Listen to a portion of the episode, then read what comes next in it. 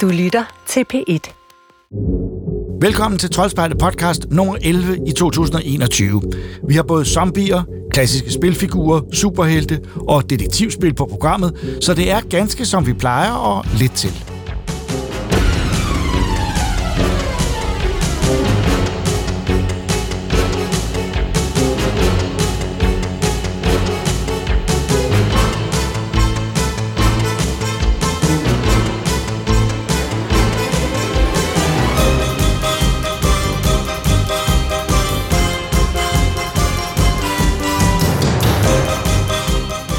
Inden vi tager hul på anmeldelserne, er her et par nyheder. Mamoru Hosoda er en af Japans bedste nyere anime-instruktører. Han står blandt andet bag de fantastiske Wolf Children, Udyret og hans lærling og Mirai fra 2018, der for alvor blev hans vestlige gennembrud. Nu er han klar med en ny film, der hedder Belle, og den er et meget moderne take på skønheden og udyret.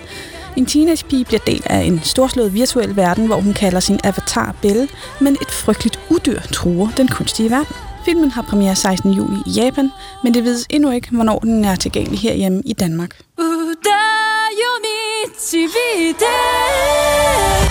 Epic, skaberne af Unreal-grafikmotoren, der skaber bund for mange af de spil, vi spiller i dag, er netop udkommet med en tidlig version af femte udgave, Unreal Engine 5.0. Hvorfor er det en nyhed? Jo, det er det, fordi Unreal Engine er 100% gratis, og alle med en nogenlunde PC kan downloade og afprøve, hvilke features, der kommer til at være en del af de næste mange års spil. Deres nye lyssystem Lumen, der er en imponerende form for raytracing, og deres geometrisystem Nanite, der kan gengive uhørt mange trekanter, som spilverdener er bygget af, uden at kræve uhyrlige computerkræfter. Så er man interesseret i at se, hvad fremtiden inden for computergrafik bringer, eller måske interesserer sig for at bygge spil, er der ingen undskyldning for ikke at downloade og prøve Unreal Engine 5.0. Walt Disney lavede aldrig sequels til sine lange tegnefilm, og folk på Pixar var også ret tilbageholdende. Men den tid er slut, og nu skal alle de fiktive universer, der egner sig, udnyttes til både fortsættelser og serier hos Disney. Vi har allerede fået en Monsters Inc. 2, som faktisk var en prequel, Monsters University, og ikke det store sus. Nu er Pixar og Disney så i gang med en serie, hvor monstrenes verden ændres, så det ikke længere er gys, de lever af, men latter. Serien hedder Monsters at Work, den var oprindeligt planlagt til premiere 2. juli, men er netop blevet flyttet til 27. august, og den kommer selvfølgelig på Disney Plus som alt andet, de producerer.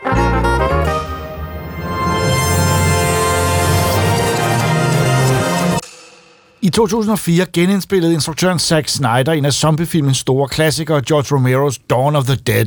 Resultatet var faktisk overraskende godt, og selv Romero var rimelig tilfreds, selvom han nu ikke synes, den var rigtig uhyggelig. Men Snyder har åbenbart ikke glemt zombierne, for nu har han skabt sin helt egen zombiefilm, som også har et noget anderledes billede af de levende døde i Army of the Dead, der lidt ligner en film, som vist er tænkt til et biograflager, men den har altså haft premiere på Netflix. Ida, Troels og jeg har set Army of the Dead.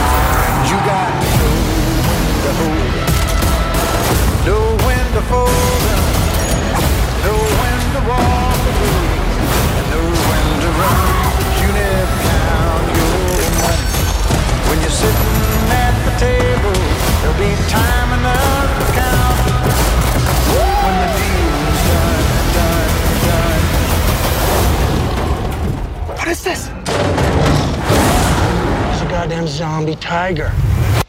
That's crossing the line.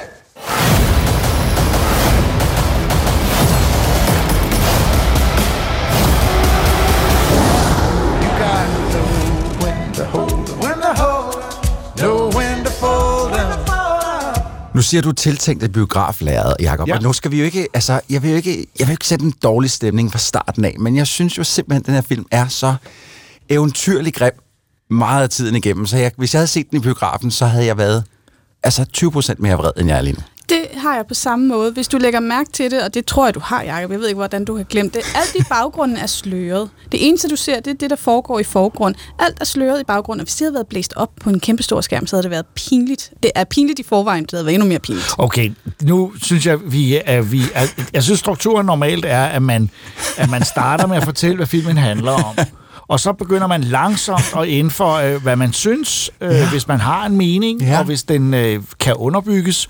Ja. Øh, og, men nu I startede med bare at sige, at det her er noget skidt. Øh, og det, det, jeg synes, Jeg vil gerne in all underbygge, hvorfor fairness, det er Ja, skidt. det ved jeg godt. In all fairness, Army of the Dead øh, er en to og en halv time lang Zack Snyder-film. Den foregår i en, en verden, hvor der er zombier, og de har i princippet overtaget en hel zone. Ja. Øh, de har overtaget øh, Las Vegas, ja. som for øvrigt også er blevet ødelagt. Ja. Ja. Og der øh, drøner de nu rundt, og så er der sådan udenom dem, er, er, er der nogle zoner for flygtninge fra øh, det område. Er det ikke noget af den stil? Jo, jo, man- jo. man Der, hvor de er bange for, om de er... Om og de det er det, fordi man ved ikke helt, om man er, man er på vej til at blive zombie eller ej. Det er sådan lidt en gradvis øh, proces her.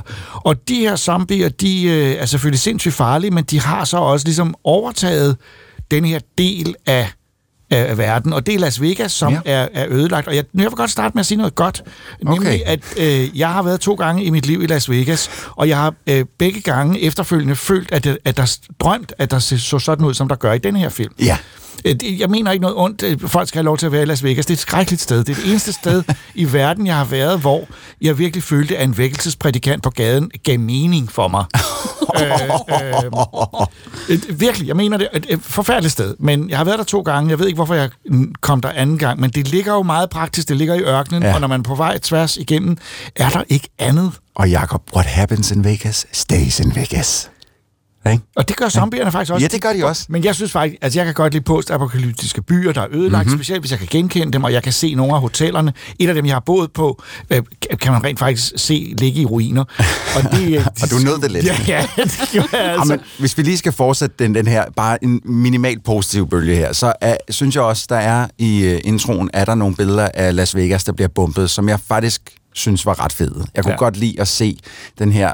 Det er jo en klassisk by. Vi ser den jo så mange film, og også i aerial shots. Og hvis man har set uh, CSI uh, Las Vegas, så har man jo set den by fra alle vinkler. Og det så fedt ud, at den blev bumpet. Mm. Det, det, øh, det, man, så stopper min ros også der. Hvis jeg. skal finde noget positivt at sige, så synes jeg faktisk, det er en meget god idé. Øh, lidt mere om handling, at mm. det faktisk ender være- med at være en heist-movie i en zombie-verden. Det synes jeg faktisk er meget sjovt, at det så ikke lykkes.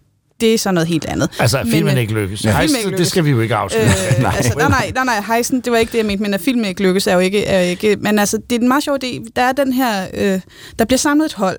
Ja. Øh, Dave Bautista, han er ligesom Det er leder. Ocean's Eleven på, yeah. på en anden måde, ikke også? Altså, med zombier. Ja, ja. Øhm, og fordi at hele, der er en meget lang introsekvens, som er sådan noget slow motion, dialogløs Sjovt ting. nok. Ja, sjovt nok slow motion. uh, Zack Snyder, totalt original. Wow, fed effekt. Aldrig Brug den set før. rigtig, rigtig meget, synes jeg.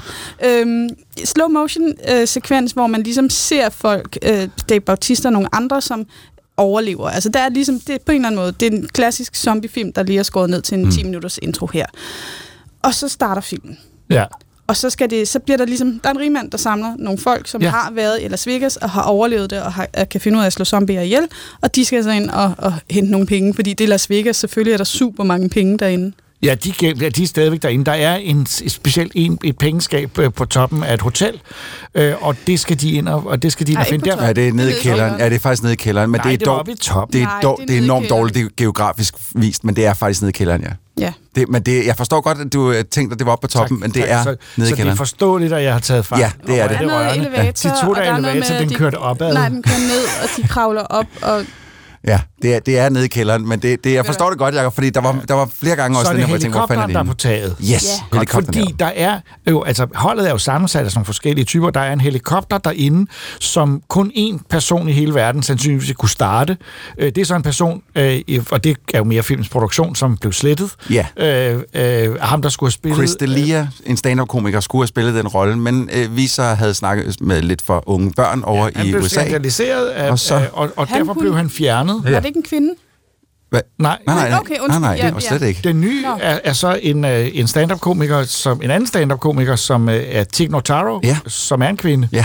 og som er det vil jeg så sige, noget af det, det, det sjoveste i filmen, ja. Ja. jeg synes faktisk, hun har nogle udmærkede, hendes delivery af replikkerne er rigtig godt, og jeg synes, man kan mærke, at hun, et eller andet sted kunne jeg mærke, at hun ved godt, hun er klistret ind i det Yes. her, fordi der er jo ikke noget samspil med de andre. Det er så underligt. Alle scener med hende er, virker så langt fra, Jamen, hvor bare, at de alle skal andre er hyre henne. hende. De skal ja. hyre hende i starten, for de skal have en helikopterspecialist. Der står de på den ene side. Dave Bautista står på den ene side af et, et Sådan et gitter. trådhegn, ja, gitterhegn, Og så ja. står hun ved sin helikopter på den anden side, og så råber de til hinanden Ja. nærmest. Og så ender hun med at sige, jeg er med, jeg er med, jeg er på. Ja, ja. Og de jeg er bliver på. ved med at snakke så til en dialog. Yes, Ja, yes, Vi yes, skal ikke yes, aftale ses. noget, Hej, hej. fordi dybest set, vi befinder os ikke i den samme verden. Ja. Ja, jeg anede ikke det her med, at hun var klistret ind bagefter, men jeg havde hele tiden fornemmelsen af, at der er noget off med det her. Og Mhm. noget af det, som også sådan, ligesom afslørede det, det er, øh, hende, hun, hun har sådan en cigar i munden, en cigaret i munden. Ja, Øh, og den der røg er fake.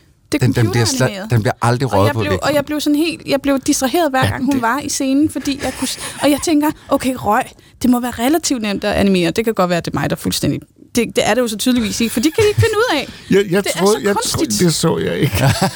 det opdagede jeg ikke. Jamen, det er sjovt, for vi har, vi- altså, vi, vi har set det. her. Jeg sad også, jeg har, jeg har en øh, sådan kæmpe 75 tommer tv derhjemme, så jeg sad og så den på det, og det med det første, jeg lagde mærke til med hende, det er selvfølgelig den scene, hvor de hyrer hende, men der er også alle scener efter, hvor hun er med, hvor de har klistret hen, så sad jeg og tænkte, okay, det er faktisk okay lavet det her. Det kunne være meget, meget værre.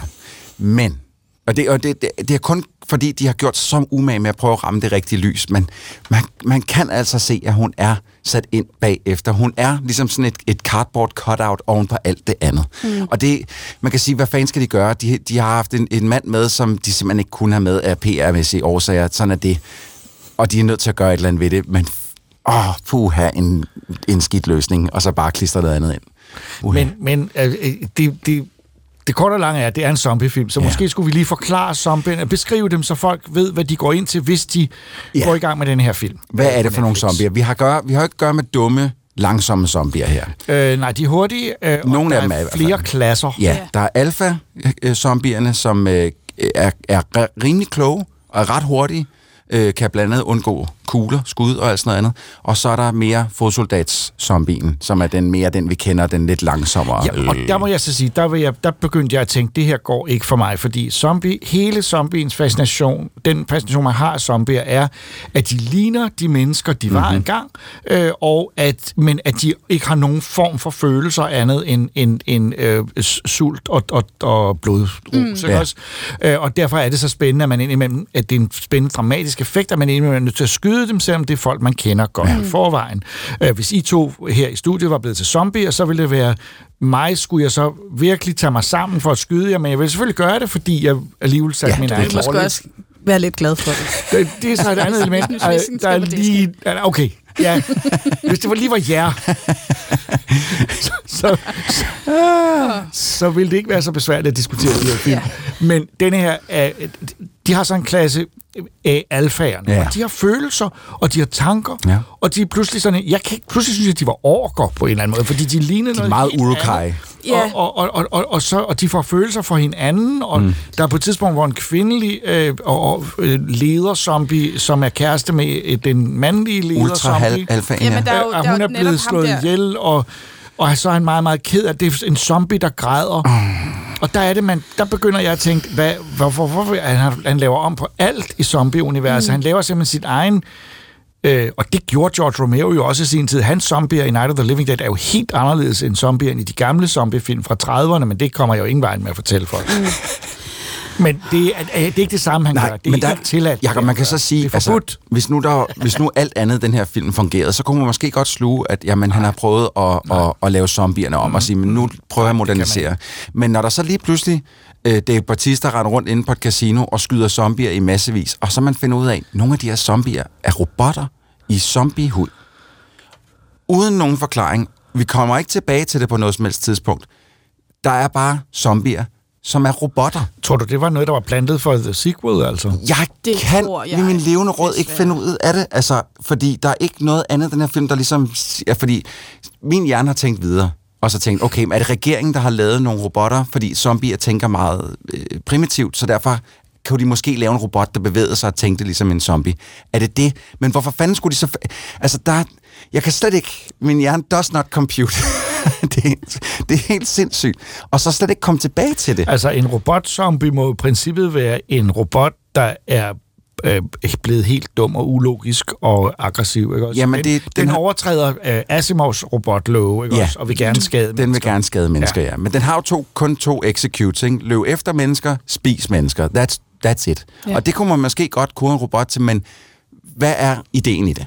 Det er så, hvad det er. Men altså, så... Jeg, jeg tror ikke, at det er menneskeskabt. Jeg tror mere, at det er sådan et eller andet med, at der er de her underlige zombier i Las Vegas, og der står alle de her altså, øh, altså maskiner. Altså, der, øh, Okay. øh, altså sådan, ja, hvad hedder det, Jack? Altså sådan, alle dem der ja, ja. slotmaskiner, som man Ja, sidder ja, og hiver ja. i. Og jeg tænker måske, der på en eller anden måde er, er nogle... Altså, og jeg kunne også forestille mig, at der er mere sådan digitale øh, spilmaskiner efterhånden Ja. øh, i, i Las Vegas. Så kunne jeg forestille mig, at der er et eller andet, kom en eller anden underlig hybrid ud af det. Og faktisk laver du nu et plot til en super fed film. nemlig, og som jeg gerne vil se, Las Vegas... Øh, øh, de idioter, der går ind og spiller, undskyld Las Vegas-kunder, men idioter, der er går ind og sidder og zombier. spiller, de er selv zombier, men de bliver nu overfaldet af maskinerne. Nå, så det kunne være noget Love, omkramser den Superman 3, kvæser dem. Superman 3 der Nå, bliver ja. suget en computer, der gør til robotter. Ja, ja, ja, ja. Har dækket det, vi har en film her. Ja. Og det var egentlig ikke meningen, vi ville bare anmelde Army of the Dead. Ja.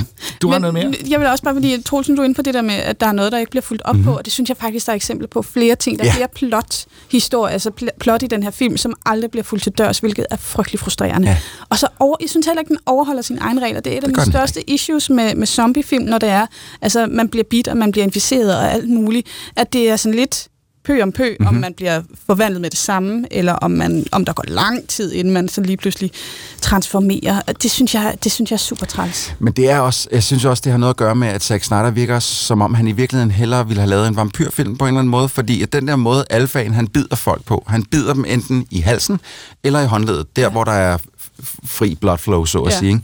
Og det er ikke noget han tager en stor bid, som man tit har set i zombiefilm. Noget. Han bider dem bare lige, jaks, og så bliver det til zombier, som er sgu mere hen af Det er rigtigt. Det er øh, mere vampyrmyten, end det er zombie-myten. Ja, det er men altså, rigtigt. Men, er men rigtigt. altså, øh, i det hele taget, altså Ja, ham her, ham her øh, zombie-kongen, eller hvad man nu Den kappeklædte zombie-konge. Jeg ved ikke, altså hele præmissen for filmen er jo, han er, at han, han er skabt af noget militær, et eller andet. de har ham i Han er hvert i fald. hvert Jo, men fald- det, nå, det er rigtigt. Det, pointen er jo, at man, man vil bruge zombier som en hær. Det er derfor, Ja. den hedder Army of the Dead. Ja. Fordi den er jo, det vil være super effektivt, hvis man sender soldater ud, der ikke kunne dø. Og den går faktisk tilbage til, nu bliver jeg lige, øh, Bela Lugosi, ja. 1930, White, Mm. White Zombie. Han prøver også at lave en hær, som han så i, måske i sidste ende kan erobre verden med i første omgang, øh, bare Haiti. Ja. Øh, øhm, og det, det er sgu, øh, det, så på den måde er, er Ja. ja. Snyder jo, har, er han jo på vej tilbage til et eller andet her. Jeg prøver at Ja, lægge noget ja, ja, positivt ja, det. jamen, Jeg det er prøver, men jeg kan ikke. Ja. Skal Altså- vi sige noget andet, noget positivt? Det er jo Batista, spiller han ikke meget? Nej, Nej, jeg- det gør han Det synes jeg ikke. Altså, gør. jeg synes, han gør, hvad han kan egentlig med det, han er blevet overleveret. Problemet er, at den er klippet sammen så usammenhængende på mange måder med hans performance, så mm.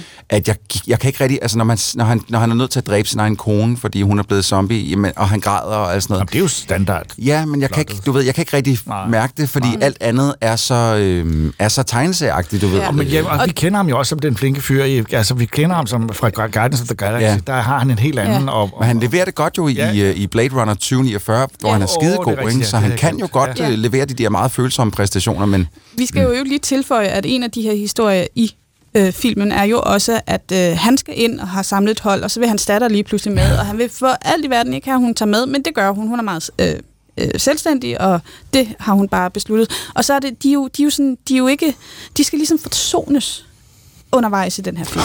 Jakob sidder og sukker. Ja. Uh. Og det er bare, altså, det, altså, jeg kan godt forstå, at man vil have noget, at have noget, noget følelser og noget konflikt ind, men det bliver bare det så fladt, og det er ja. så ligegyldigt, også fordi, at det netop ikke er særlig godt skuespil. Ja. Der er også et eller andet påtvungen romantisk relation, som også bare sådan lidt... Ja, den er der ret, også, Den ja. kommer Okay. også sådan, bliver sådan lidt, lidt Okay, der er til venstre og sådan noget. Udover at Las Vegas bliver ødelagt og Ja. ser fed ud i ødelagt udgave, så er der også en zombie Tio. Ah, men Den har vi glemt så- at tale om. Ja. Ah, men, Okay, godt. Jamen, Den det, kommer. okay, så er der en zombie tiger. Et, den er grimt animeret, men er der så også zombie-rotter? Hvordan holder man dem inde? Altså, Ja. er der zombie kakelakker Det er der helt sikkert, og det er på alle værelserne. Det er helt sikkert. Det er det specielle. Vi kan ikke Det er andet, ret at- at imponerende, for man bare kan så kan man bare smide nogle container, tre stykker container oven på hinanden, og lave en, en indhegning af det. Fint nok, det skal nok holde zombierne inde, og tiger, og hvad der nu ellers er. Ej, det er jeg synes simpelthen, altså det Ja, er noget af det mest utroværdige. og så har man så besluttet sig for, fint nok, at man har en eller anden form for interneringslejr. Hvorfor skal den ligge lige klods op af de skide container, altså som de jo så i øvrigt går ind i og bruger til at komme ind. Altså, den, den er simpelthen så hullet, den her, øh, det her befæstning samtidig. Man kan jo bare vade direkte ind. Altså, der er jo mange, der gør sig i at tage ind og stjæle ting. Altså, øh, selvfølgelig med, med, med livet, som, altså med risiko for at miste livet, men det er bare sådan et, det, det er så dumt, altså, så, at, at man har skulle kunne holde de her Ida, zombier Ida, ind. Nej, Ida. nej men, Ida, jamen, det er så, jeg, jeg kan virkelig godt Du- lide zombiefilm. Du ranter, Ida. Ja. Du ranter. Ida, Jeg rander. Sorry. vi har desværre andet på programmet. Ja. Men vi skal altså også lige snakke om, at zombiekongen er sådan en eller anden zombie 300-ting. Altså Ja, med den der han er en spartan- zombie-spartaner, ja. Så der skulle han Ah, lige... øh, det er der, Ja, ja. den binder tilbage til Zack Snyders 300. Ja. This is Las Vegas! Ja, ja, fantastisk. Det er genialt. Må jeg bare lige tilføje, øh, som I kan høre, det er ikke en anbefaling fra vores side. Forfærdelig lort. Øh, men omvendt, øh, det er jo sikkert også sådan en, folk øh, øh, kunne finde på, på basis af det her, sætte sig og se og nyde, hvor dårlig den er. Den er ikke uunderholdende. Øh, Jo. den, Og det, der vil jeg også sige, altså, der var, der, jeg, jeg sad og så den hele vejen Jeg igennem. kedede mig ikke så meget, som jeg havde Jeg kedede mig ikke. Også fordi man sad og lagde mærke til alle de der, som øh, nogen nok dumme ting, og andre, hvor man bare sad, hvad fanden er der sker? Jeg vil Ej, også sige, den er ikke helt uunderholdende. Men igen, jeg kommer i tanke om noget, jeg faktisk godt kunne lide. Når der endelig er noget sådan lidt gory splat halløj, ja. så er det, det er faktisk virkelig Ja, fedt. Det ja, måtte det er der godt have været mere af, så havde Ja. været mere underholdende. Ja. Og det kan der komme mere af. To prequels er i produktion, eller planlagt. En film, en, film, en film, der hedder Army of Thieves, og der er også en animeret serie, som hedder Army of the Dead, Lost Vegas, som øh, også kom på Netflix og satte stort på, at det her bliver et, et verden, som Zack Snyder har bygget til dem. Vi får se. Jeg bliver så Øh, ked af det, når du siger sådan noget, Jacob. Jamen, jeg kan ikke holde... Jeg bliver virkelig i virkeligheden. Og vi sådan er kan det. se det jo, ja, når det kommer. og det kommer, og vi tager det op her i podcasten. Snyderverse. This should be a simple in and out. It's not too late to go back. Nintendo går ofte i arkiverne for at finde gamle spil, der kan genudsendes til nye platforme, for det har jo vist sig, at vi gerne vil genopleve klassikere fra 80'erne og 90'erne. Men denne søgen efter arkivguld betyder også, at der indimellem dukker mere obskure ting frem, og her er nu Famicom Detective Club, et krimispil, der første gang så dagens lys i 1988. Spørgsmålet er, om det kan klare dagens lys nu, 35 år senere. Regita har prøvet The Missing Air til Switch, もしもし。天蔵さん。畳が焦げているぞ。墓石のてっぺんが動かされたようじゃと。菊さんがやってくる。恐ろしいや。先生これを見てください。なぜこのようなことに？綾代家の定めじゃ。なんだって。幹事さんが殺された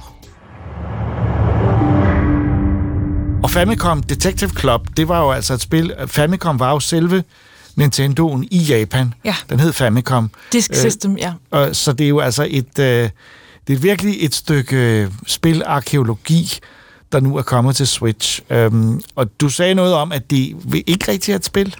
Ja, altså jeg blev meget begejstret, da jeg læste, hvad det handlede om, for det lød lige som noget for mig. Det er sådan et detektivspil, hvor man efterforsker et mor. Og jeg tænkte, og det, og jeg elsker... Du, det bliver du aldrig træt af. Det gør jeg ikke, og jeg elsker Ace Attorney-spillene for eksempel, så jeg håbede, det var, det var noget i den, her, i den retning. Det er det ikke.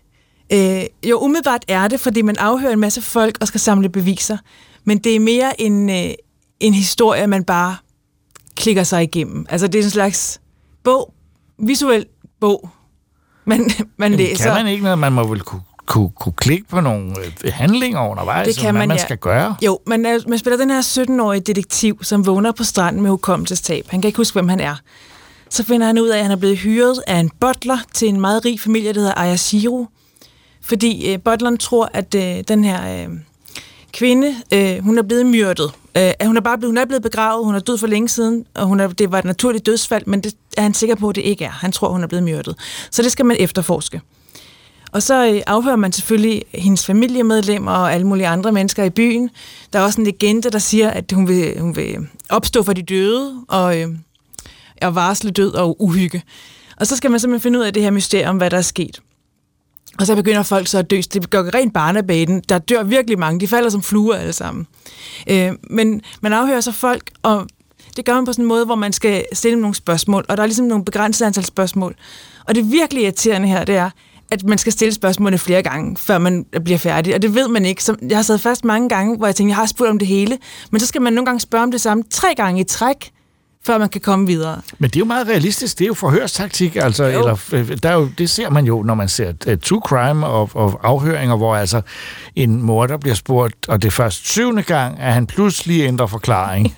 jo, det er også rigtigt, men jeg synes, det var lidt frustrerende, fordi det betød, at man fik den samme info rigtig mange gange, fordi man jo prøvede at stille alle spørgsmålene så mange gange for at vide, okay, jeg er færdig med at afhøre her.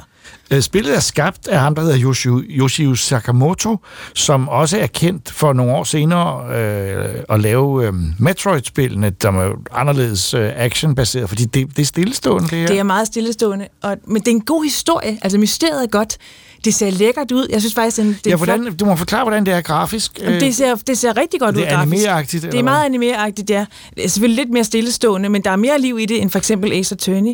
Det er fulddobbet på japansk, altså de, alle replikker er indtalt på japansk. Og der er undertekster på det hele? Og så er det engelsk tekstet. Virkelig lækker detalje, synes jeg, at man kan høre replikker, fordi det plejer at være sparet væk i sådan nogle spil. Ja. Øh, så det er rigtig, rigtig lækkert, at man kunne høre det hele blive, blive sagt, på, altså godt nok på japansk, men stadigvæk, det lød Nå, jo, godt. det giver det lød godt. stemning, ja. altså. Det er jo helt sikkert. Jeg ser også animere på, på japansk. Ja, det er også for at få den Klart, det giver helt klart noget ekstra til det. Og instruktøren af spillet skulle efter sine være, være blandt andet være påvirket af de italienske horrorfilm af Dario Argento, altså sådan Gialli-film. Jeg tror, der, der er jo to spil. Jeg har kun ja. spillet The Missing Air, men der er et andet, der hedder The Girl Who Stands Behind. Det tror ja. jeg er mere horroragtigt ja. end det ja. her. Men det jeg havde, jeg blev overrasket over nogle af de billeder, der var, når man fandt et lig hvor hyggeligt det ser ud. Der er ja. en hængt mand på et tidspunkt, hvor man ser ham hænge med tungen ude. Altså, det ser, Jamen, meget, det, jo, det ser det, ret uhyggeligt ud. Det kunne være Suspiria ja. eller sådan Det er sådan, noget. Ja, ja. hvor man tænker, hold da op, det var alligevel, det var alligevel ja. vildt. Men nej, jeg var skuffet over mængden af interaktivitet i spillet. Altså, der var ikke nok? Der var ikke nok. Der gik fem timer, før jeg skulle, selv skulle skrive Hva? noget på egen hånd. Altså, hvor, jeg selv, hvor man bliver spurgt om noget. valg inden da? Jo, men du siger valg, men det handler egentlig mest bare om, at man skal bare klikke på alle de ting, man kan. Og så, så er der enkelte meget få beviser, du kan finde, og du kan vise. I Ace Attorney er der sindssygt mange beviser. Det handler om at bruge det rigtige på det rigtige tidspunkt. Her er der måske fem ting, man har og i hele spillet. Ikke? Så det, det, det er meget, meget få ting.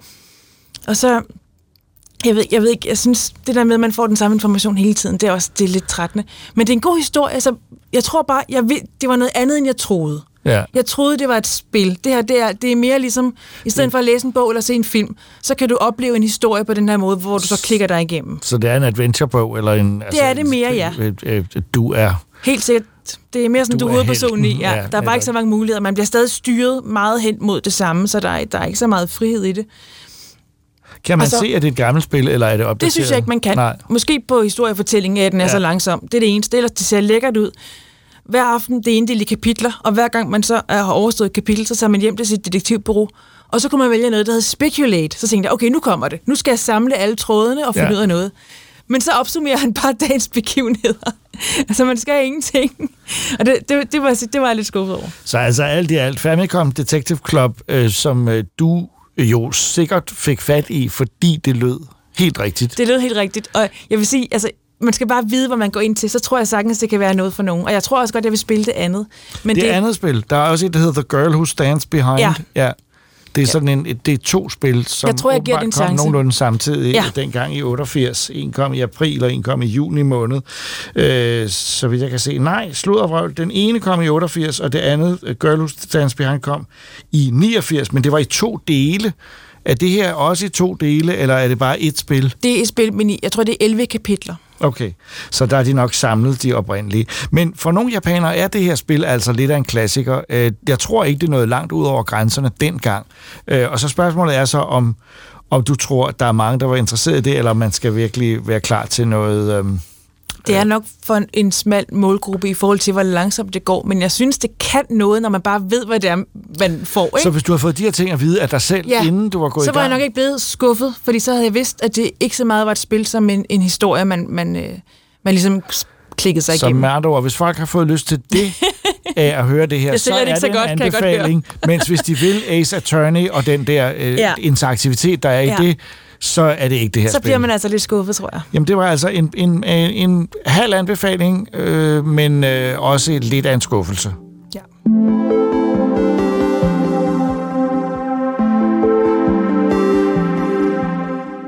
I 2014 lancerede Marvel Comics en ny superhelt, som bygger på en allerede etableret helt, der i forvejen har en ret kompliceret forhistorie og forløb. Miss Marvel hedder oprindeligt Captain Marvel, men var ikke den samme som Captain Marvel, den Captain Marvel, som DC har, og som nu hedder Shazam. Men det er en helt anden historie. Det nye ved den nye Miss Marvel var, at hun nu havde en anden hemmelig identitet. Hun er pigen Kamala Khan, der får særlige superkræfter, da Thanos detonerer Terrigen-bomben. Øh, Øhm, den første Miss Marvel-historie består af fem hæfter, som nu er udkommet samlet på dansk øh, i den, den der nye store serie af Marvel-ting fra forlaget Fahrenheit og Farve Cigar. Øh, den er skrevet af G. Willow Wilson, og tegningerne af Adrian Alfona, og den vagte ret stor opsigt den gang tilbage i 2014, da den kom.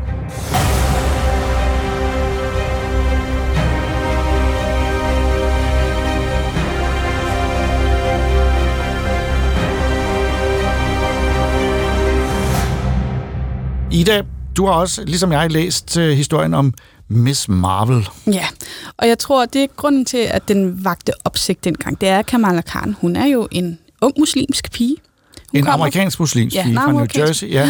Øh, og, det, og det tror jeg var sådan, uh, kan man virkelig det? Øh, og det er jo sådan noget af det, som jeg har haft i tankerne, mens jeg har læst den her øh, historie, som jo er en helt klassisk, klassisk origin-historie. Ja. Øh, jeg synes faktisk, at den er sluppet virkelig godt fra det. Ja. Sådan helt overordnet. Øhm, jeg synes, at hun er, hun er skøn. Hun har en god øh, trio af venner. Øh, de, der er en ung fyr, som arbejder i, i en kiosk.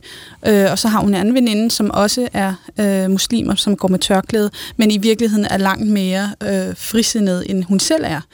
Øhm, og det, det skaber bare nogle, nogle fede dynamikker og nogle, nogle, nogle sjove scenarier. Øhm, og især ham, drengen her, der passer på hende på et tidspunkt, så hopper hun ud af vinduet, for hun er så træt af sine konservative forældre. Hun vil til fest sammen med alle de andre, især skolens øh, populære blonde øh, cheerleader. øhm, og så, er han sådan, så passer han på hende. Han er sådan, nej, du, skal ikke være her. Og, sådan, og hun ender med at føle sig enormt forkert. Og det er så også der, at der sker den her, øh, det her bombe kommer, og hun, hun får sine kræfter. Og det, man kan sige, er, at øh, de, det er jo et klassisk Marvel, hvad skal man sige, øh, øh, træk og sige, til tilbage fra Spider-Man, vi gør det ved vores superhelte, vi gør dem vedkommende og aktuelle. Øh, den, en aktuel teenager eller stor teenager skal kunne forstå den her figur, og derfor gør vi hende til noget, som, som er overalt. Øh, det er klart, at det, det var lidt underligt, øh, da man fik det at vide.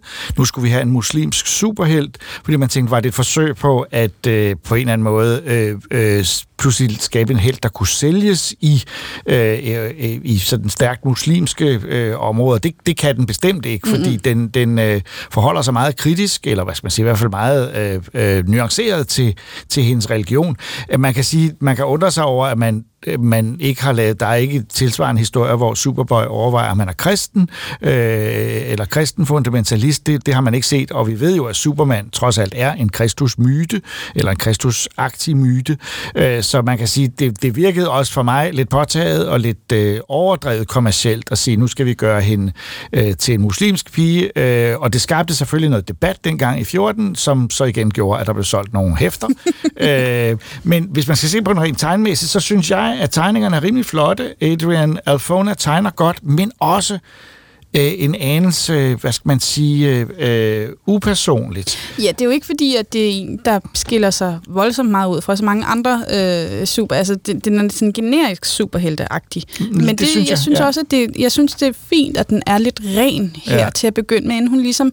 Altså, jeg tænker, når der er andre tegnere, som kaster sig over hende, så kan de jo altid gøre det mere personligt. Men her nu, så er det egentlig meget rart, at den ikke er for avanceret, eller hvad man skal sige. Den er ikke, den er Nej, ikke det, for, det er den, den er sådan meget, er meget, nemt meget læst. ren og enkel at læse. Meget nemt læst, øh, og der er nogle, helt klart nogle superhelte actionscener, som vi ikke skal spoile her, som er super flotte, øh, og, og, og også noget, noget superhelte, altså når hun mm. er i kostymet, er hun meget klassisk, dynamisk øh, superhelt, og det synes jeg fungerer godt. Øh, jeg synes, at, at stadigvæk, at figurtegningerne er på den der øh, lidt generiske måde, så jeg næsten ikke kan kende forskel på dem nogen steder. De ser ja. meget ens ud, synes jeg, bortset, altså faren ser væsentligt anderledes ud end hende selvfølgelig, men, men jeg synes, jeg synes ikke, nej, jeg synes ikke, det er ikke sådan nogle tegninger, der får mig til at sige, ej, det må jeg læse videre i. Jeg, jeg skulle lidt øh, sådan tvinge mig igennem den her historie. Det, jeg, jeg forstår slet ikke, at du ikke kan se, at der er forskel på dem, også fordi, at de har forskellige øh, altså sådan tøj og træk Ja, jo, jo, altså, det kan jeg godt se, og etnicitet, jeg synes, så jeg synes faktisk om overhovedet ikke, at det var noget problem. Øhm,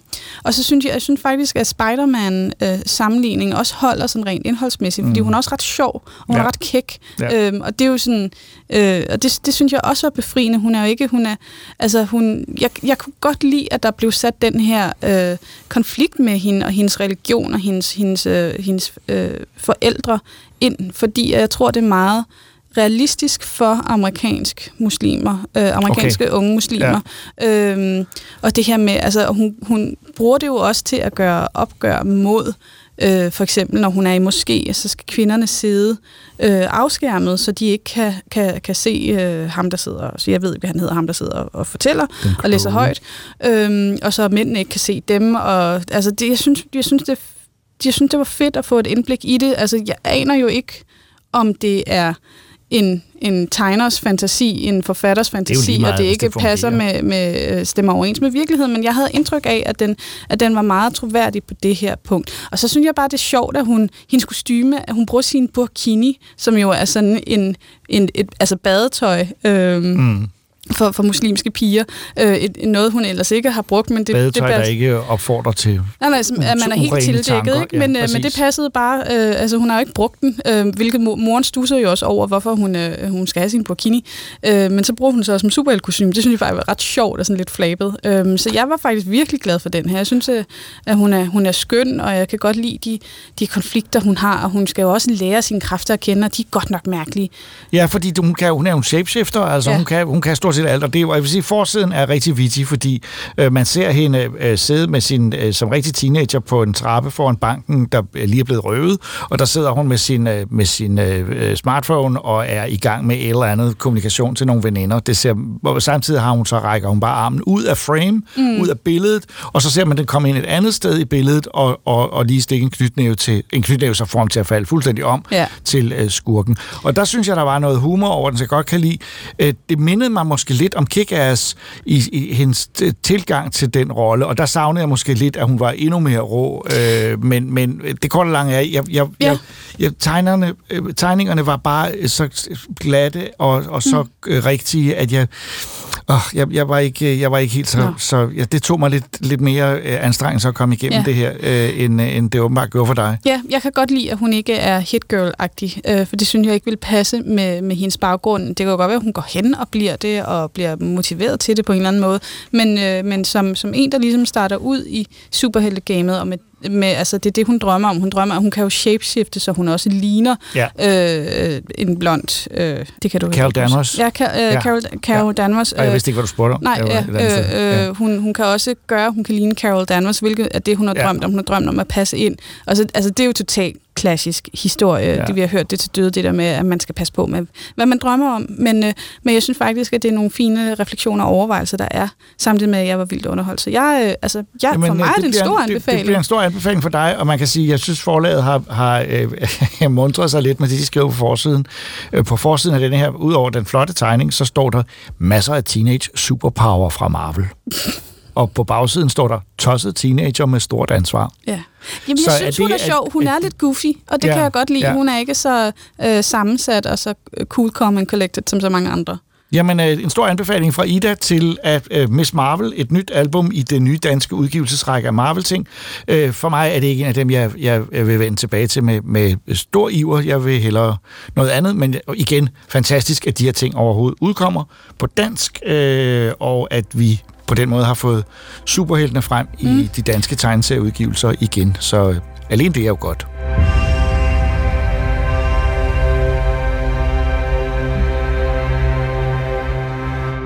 Da det første Ratchet Clank-spil udkom tilbage i 2002, var det allerede ved første øjekast klart, at her var to nye spilfigurer, der havde potentiale. Med lige dele rødder i klassiske tegnefilm og store platformspil fik vi et ironisk sci-fi-eventyr, som samtidig havde et stærkt action-element, der gjorde det hele vildt og hæsblæsende. 19 år senere har Insomniac Games sørget for at holde liv i deres to helte med et helt nyt spil, der netop er kommet på gaden, Ratchet Clank Rift Apart. You all right back there? No way. It appears that the dimensions are collapsing on one another. If we cannot get to... Get to... Right. The ship. I mean, we can't be that far. I have it in my sight. They have found us, Ratchet.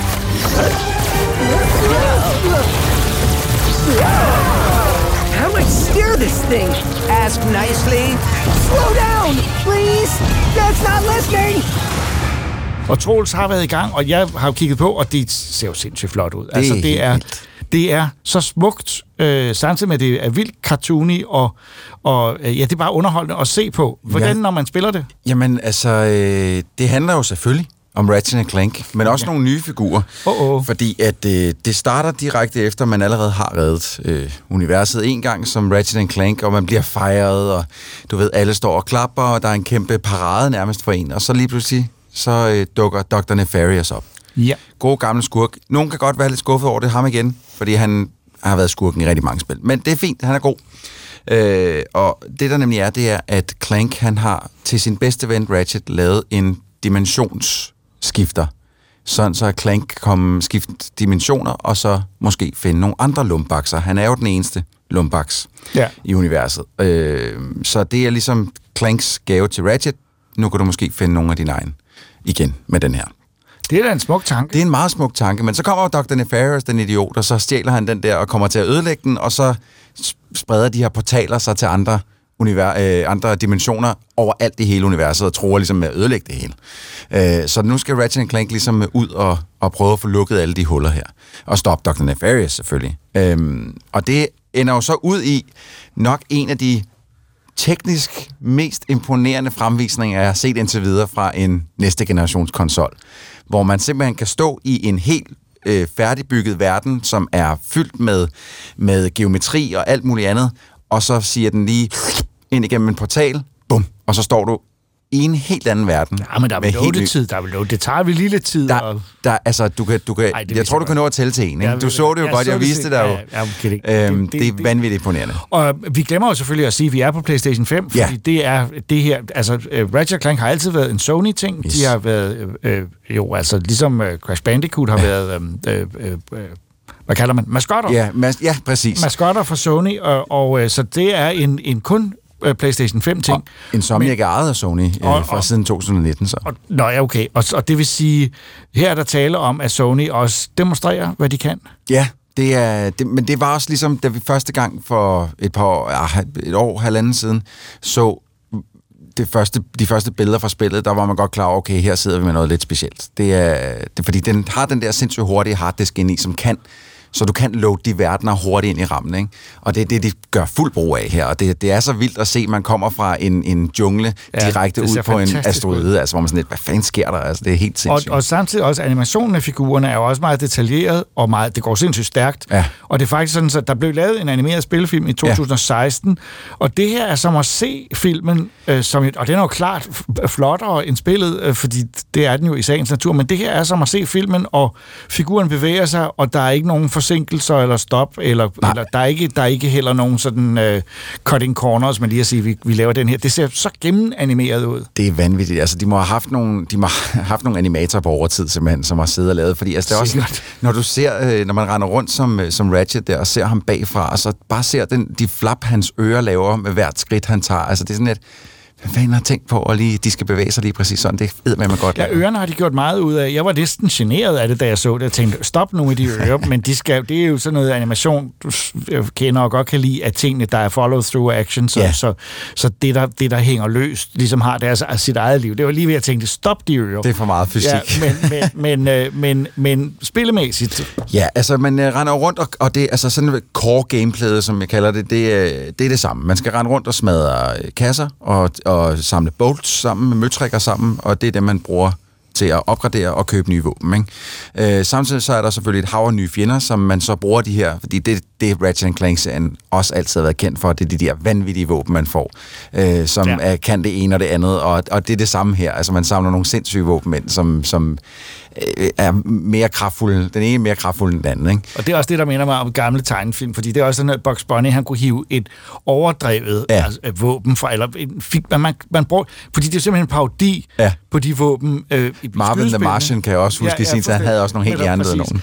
Øh, men så, så der render man selvfølgelig rundt og skal skyde, skal skyde fjender øh, til højre og venstre, og der er en masse platforming. Altså det er meget, som vi kender Ratchet Clank, men hvor det her dimensionshop ligesom er bragt ind i. Fordi ikke nok med, at du kan skifte øh, dim, altså deciderede dimensioner fra, fra, fra en verden til en fuldstændig anden, så er der også en ny mekanik, hvor at når du er op mod større fjender, som er svære at nedlægge, lige meget hvor fede våben du har, så øh, de, de skyder selvfølgelig også sindssygt meget på dig, og der har du brug for at kunne komme væk fra de skud. Og du kan selvfølgelig kan du lave dodge roll. Det er meget klassisk. Mm. Men nogle gange kan der være brug for at komme lidt længere væk. Og der kan du lave sådan en...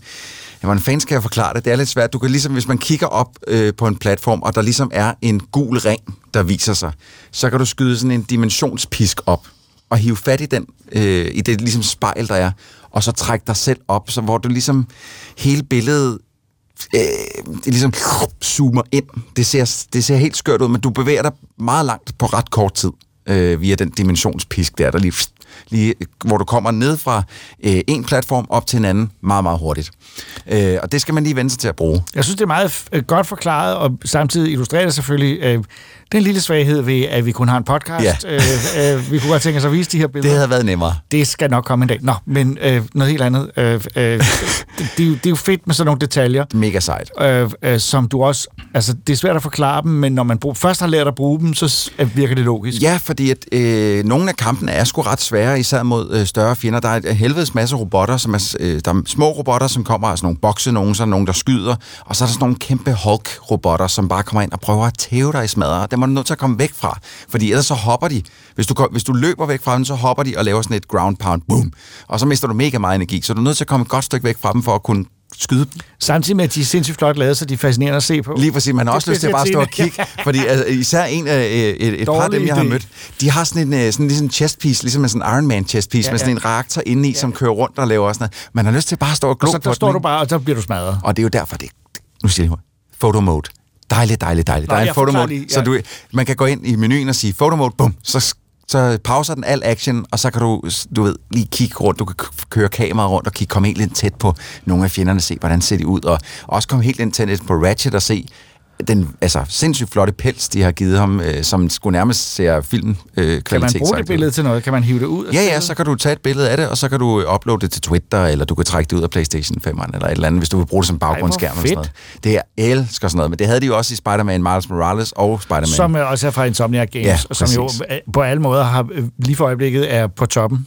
Ja, de laver nærmest kun gode ting. Det er helt vildt. Øh, jeg, jeg, altså, det her, det, Ratchet Clank er i hvert fald sindssygt godt. Jeg bliver lige hurtigt nødt til at sige, at vi har set i en trailer, så det er ikke noget med, at jeg spoiler noget. Der er jo en Lombax mere med, ja. som vi møder. Hun hedder Rivet. Ja, det, er det er helt nyt. Det måtte komme. Det måtte komme. Hun hedder Rivet, har en, øh, en øh, androidarm, eller en robotarm, hvor hun har mistet den ene. Men er ellers et, et, et dyr, eller en Lombax? Man er en Lombax, ja. Og hun... Øh, på grund af de her mærkelige dimensioner, som man bliver kastet ind ud af, så er Ratchet Clank faktisk blevet skilt ad. Men Rivet finder så Clank, og Ratchet finder en anden Clank, der hedder, man kalder for Kit, har et langt navn.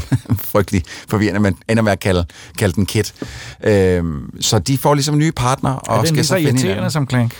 Øh, nej, ikke rigtigt. Altså, Clank er noget super tør humor. Den her ja. er mere sådan robotagtig, du ved, med kolde facts okay. hele tiden. Ja. Øhm, og kan så har et voldsomt temperament. Øh, så når den bliver sur, så bliver den også meget stor.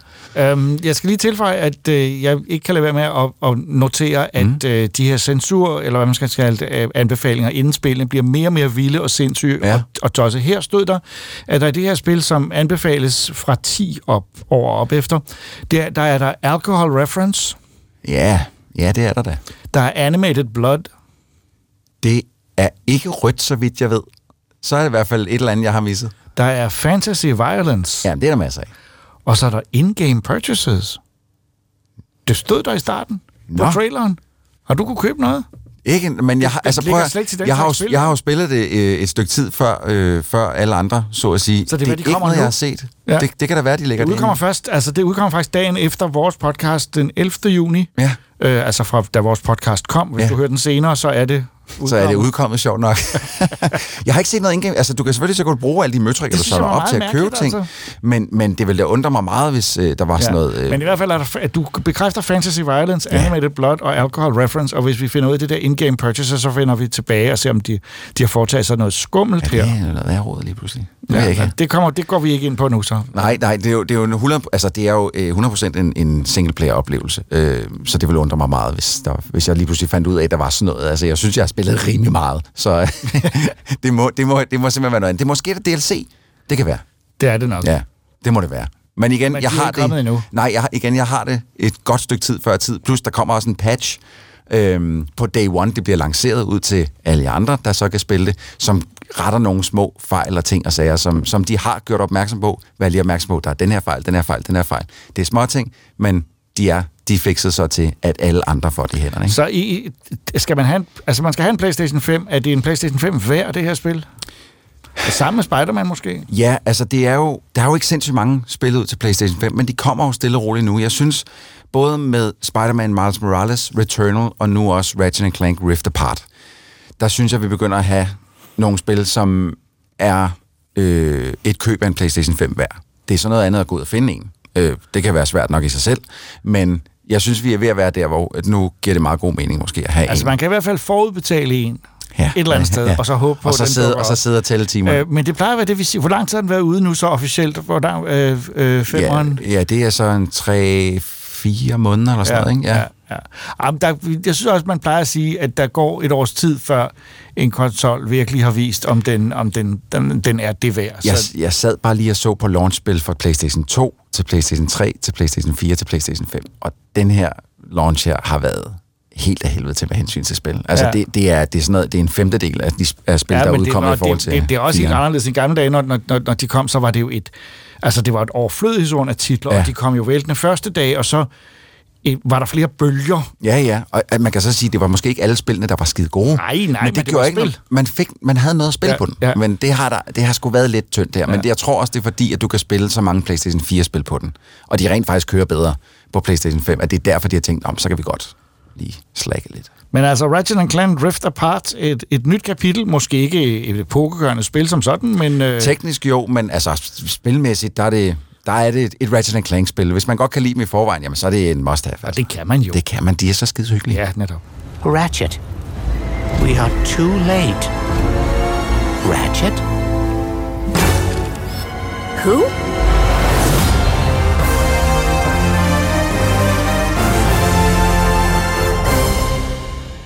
En stor del af DC's superhelte arbejder som bekendt sammen i Justice League, eller Lovens Vogtere, som de hed på dansk i gamle dage. Men faktisk var der en superheltegruppe fra DC længe før Justice League, nemlig Justice Society, som første gang så så langt tilbage som 1940, altså kun to år efter den første superhelt, Supermans fødsel. Den har haft mange forskellige medlemmer gennem tiden, og den har generelt levet lidt i skyggen af Justice League. Men nu er der mulighed for at stifte bekendtskab med denne, den allerførste superheltegruppe i en ny animeret film fra DC Animated Original Movies-serien Justice Society World War II, som Christoffer og jeg har set. They've taken control of most of Europe and Russia. Merciful heaven, an invasion. That's not all, Mr. President. I take it that's where your big idea comes in. Let me introduce you to the team.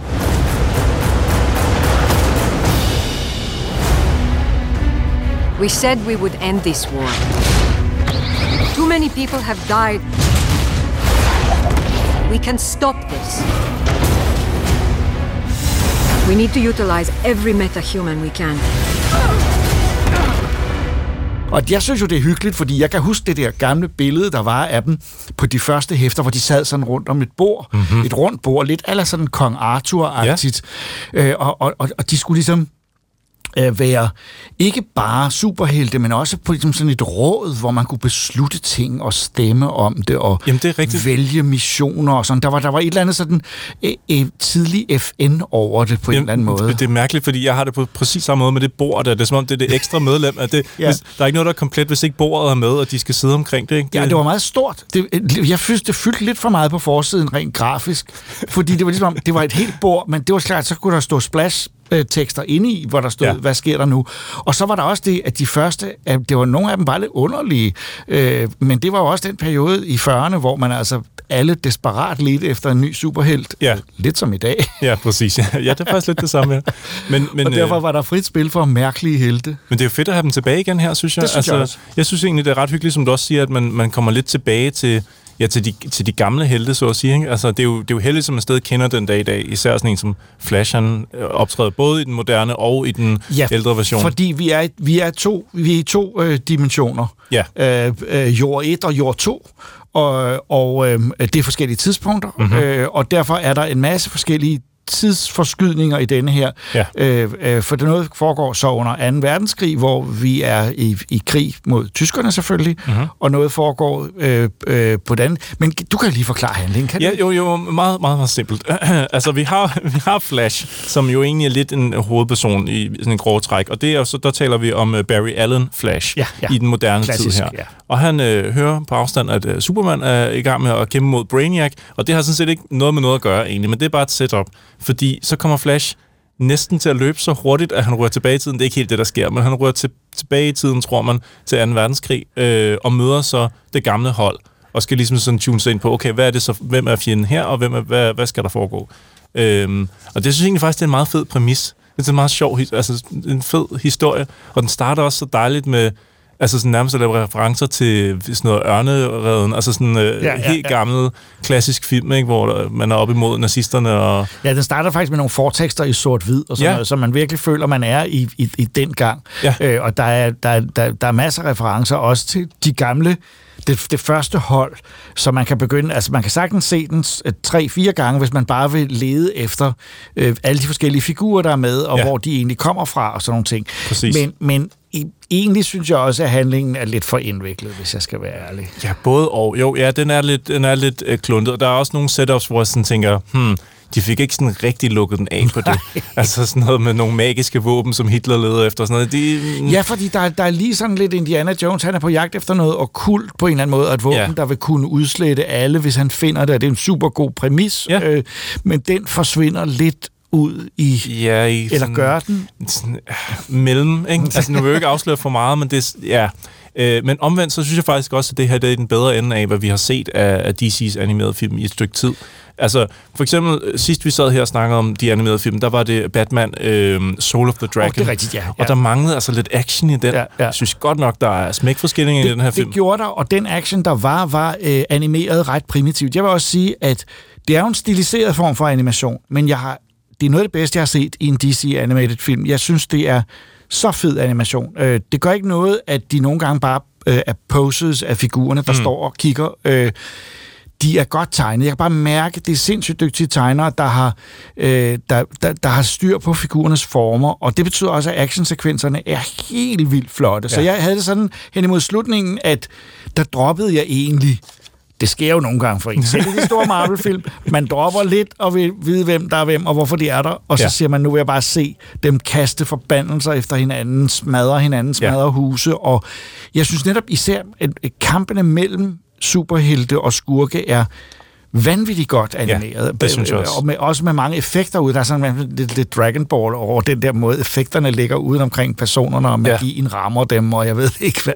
Men man kan se jo, at, at altså, det er jo stadig animation, hvor de har prøvet at, at spare så meget, Ja, som de nu det er kan. ikke dyrt. Men så Jo, få, det er dyrt, men det er ikke dyrt. Ja, præcis, men så få så meget ud af så få penge, altså så få, få så meget som muligt ud af de penge, man nu har, ikke? Og det lykkes for dem, synes jeg. Øhm, og så, ja, jeg synes bare, det er fedt. Ja, som vi nævnte før, det med at komme tilbage til Hourman og Hawkman og Black Canary. Og, altså... Ja, Black Canary er en fantastisk figur. Ja. Øh, og det er, det er, der, der er også, øh, øh, hvad hedder det, du nævner Hawkman. Mm-hmm. Øh, vi møder også Steve Trevor, som er øh, Wonder Womans kæreste. Ja. Øh, og, øh, øh, øh, og, og faktisk også noget stemmearbejde. Jeg synes, hans stemme var rigtig god. Ja. Øh, der var nogle, nogle, der har været nogle folk inde over, som føler noget for de her figurer. Mhm. Og jeg tror, at, at de har lidt løst det der med, at hvis man vil lave spareanimation i sådan noget her, så er det vigtigt, at man bruger penge på designerne til at, at øh, øh, designe figurerne og lave de der øh, øh, model sheets på dem, så man kan sige, at de, sådan ser de ud. Fordi det, jeg nogle gange føler, netop for eksempel i den sidste Batman-film, er, at de mister, de, de bliver u, det, det er som om, de mister øh, troværdighed. Mhm. Øh, og her var de altså... Jeg synes, det var meget skarpt. Der er mange, har jeg set øh, online, som skiller frygteligt ud på den, og synes, Ja, ja. det er det værste lort, de har set. Masser. Øh, og som synes, animationen er alt for primitiv. Det synes jeg slet ikke. Øh, jeg synes, den er, den er flottere, eller mere interessant at se på, mere øh, sådan æstetisk. Ja. Altså, øh, kampen er æstetisk flot. Jeg er helt enig. Jeg har også set folk være meget sure på nettet på Ja, den her virkelig. film, og jeg er ikke enig. Øh, Jeg har faktisk mere underholdt af den her, end jeg har været et stykke tid med Ja. DC's animerede Ja. film.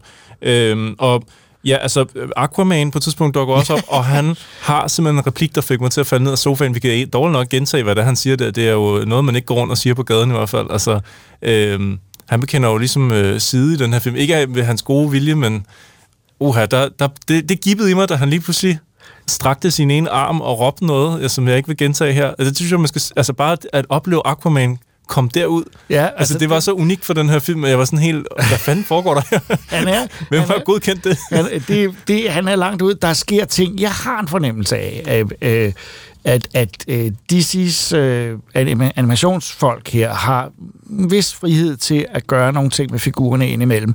Og faktisk ved jeg det, øh, fordi jeg mødte øh, for ikke så lang tid siden i Danmark, var øh, øh, executive produceren Sam Register. Mm-hmm.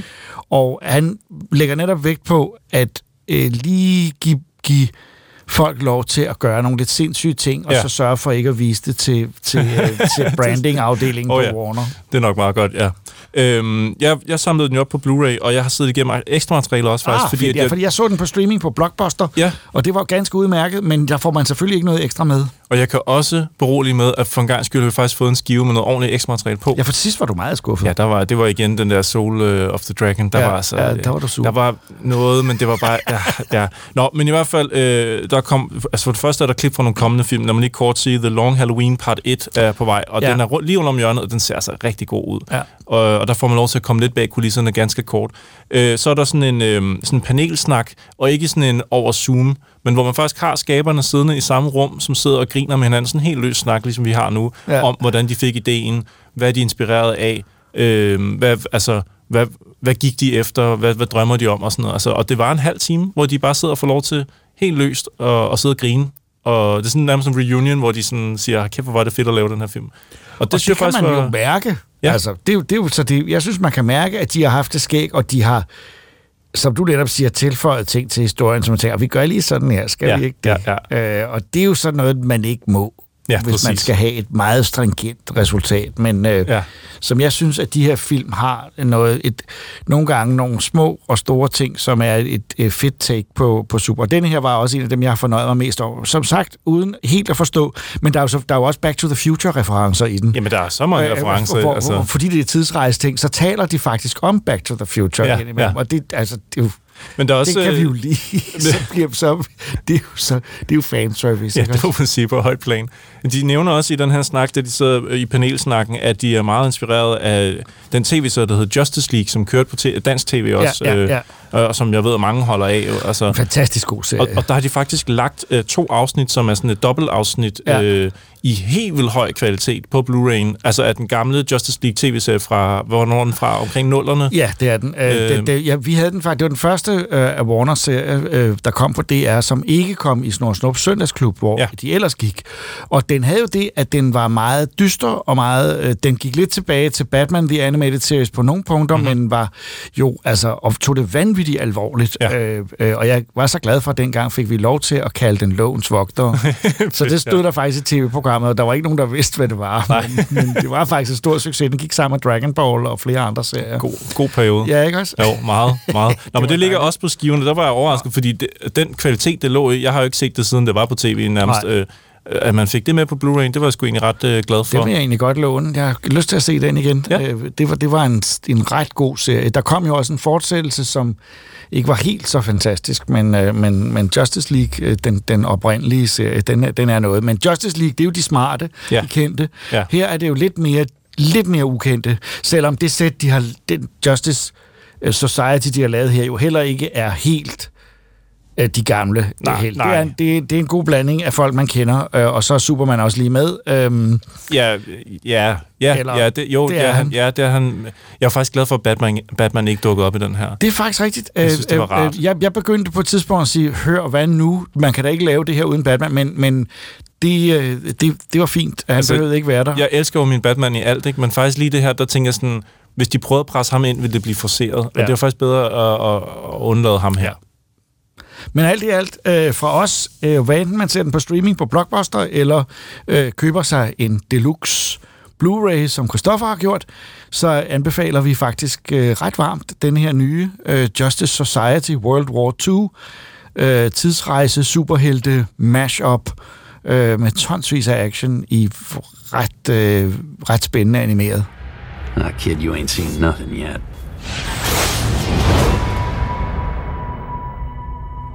Troldspejlet podcast nummer 11 i 2021 er slut for denne gang. I studiet var jeg, Jakob Stelmann, Christoffer Andersen, Ida Rud, Regitze Heiberg og Troels Møller, der som sædvanligt også stod for klipningen. Vi er tilbage om 14 dage. Tak fordi I lyttede med.